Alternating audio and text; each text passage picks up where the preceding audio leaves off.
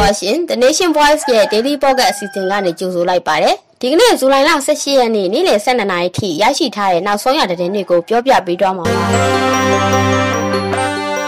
အဝေးမြို့မှာဒီကနေ့မနက်ပိုင်းကစတင်ပြီးမနက်9နာရီနောက်ပိုင်းနေအိမ်ပြင်ပမထွက်ကြဖို့စစ်ကောင်စီကလိုက်လံကြေညာခဲ့ပါတယ်။ကုန်တင်ရင်မအပခရီးရတင်ရင်တွေမကွေးမြို့ကိုဝင်ထွက်သွားလာခြင်းမပြုဖို့ကိုလည်းကြေညာခဲ့ပါတယ်။ကိုဗစ်ကြောင့်အပြင်ထွက်ခွင့်မပေးဘူးဆိုရင်လည်းပြည်သူတွေနားလည်အောင်ရှင်းပြပြီးစားဝတ်နေရေးအခက်အခဲတွေကိုဘလို့ဖြေရှင်းရမယ်ဆိုတဲ့အစီအမံတွေရှိတင်တယ်လို့မကွေးဒေတာကန်တွေကပြောကြပါတယ်။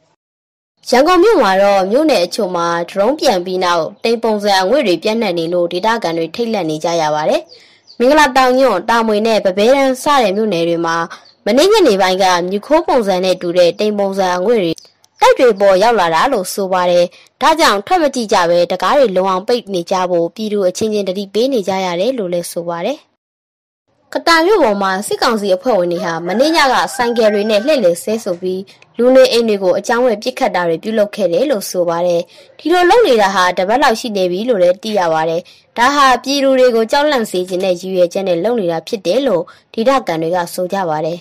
။ရွှေဘုံမြို့နယ်စိတ်ခွန်ကျေးရွာမှာဒီမနက်တနာရီလောက်ကစစ်ကောင်စီရဲ့ပစ်ခတ်မှုကြောင့်ကင်းဆောင်တဲ့ရွာသားလူငယ်၄ဦးတိဆုံးခဲ့ရပါတယ်။ ညတော့ကရွာထဲကိုစစ်ကားနှစ်စီးနဲ့ဝင်လာပြီးအတံပုံးတွေနဲ့တစ်နှက်အချက်30ကျော်ပစ်ဖောက်သွားခဲ့တယ်လို့ဆိုပါတယ်။တေတော့တဲ့လူငယ်၄ယောက်ရဲ့ရုပ်အလောင်းတွေကိုဝင်းမြေရိုးမှာပုံထားပြီးအလောင်းကောက်ယူခွင့်မရသေးပါဘူး။ပစ်ခတ်မှုတွေကြောင့်တန်ရာရလူအချို့လည်းရှိခဲ့တယ်လို့သိရပါတယ်။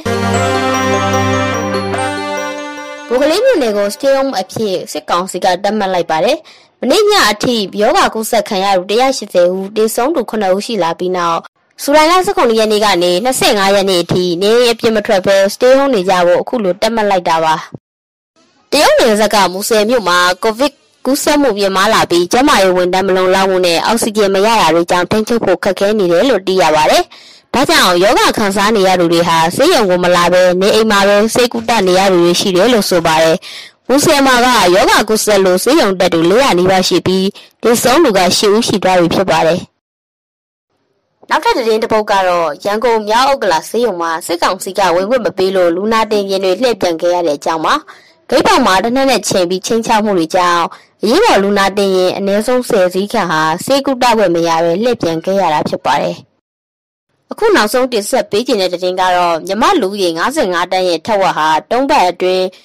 ကိုဗစ်မျိုးကွဲ Alpha တော့မဟုတ် data ကူးစက်ခံရပြီးအနည်းဆုံးလူကြီး10တန်းကနေ15တန်းထိရောကျသွားနိုင်တယ်လို့ Asia Time ကဖော်ပြတဲ့စောင်းပါတစ်ပုဒ်မှာရေးသားထားပါတယ်။မြန်မာနိုင်ငံကပြည်သူ့ကျန်းမာရေးဆိုင်ရာကျွမ်းကျင်သူတွေရဲ့ခံမှန်းချက်အရအခုလိုတုံးတက်ထားတာဖြစ်တယ်လို့ဆိုပါတယ်။ကိုဗစ်တပ်ပြီးလွန်မြောက်ချိန်မှာအခုလိုလူဦးရေရောကျသွားမယ်လို့တုံးတက်ထားတာပါ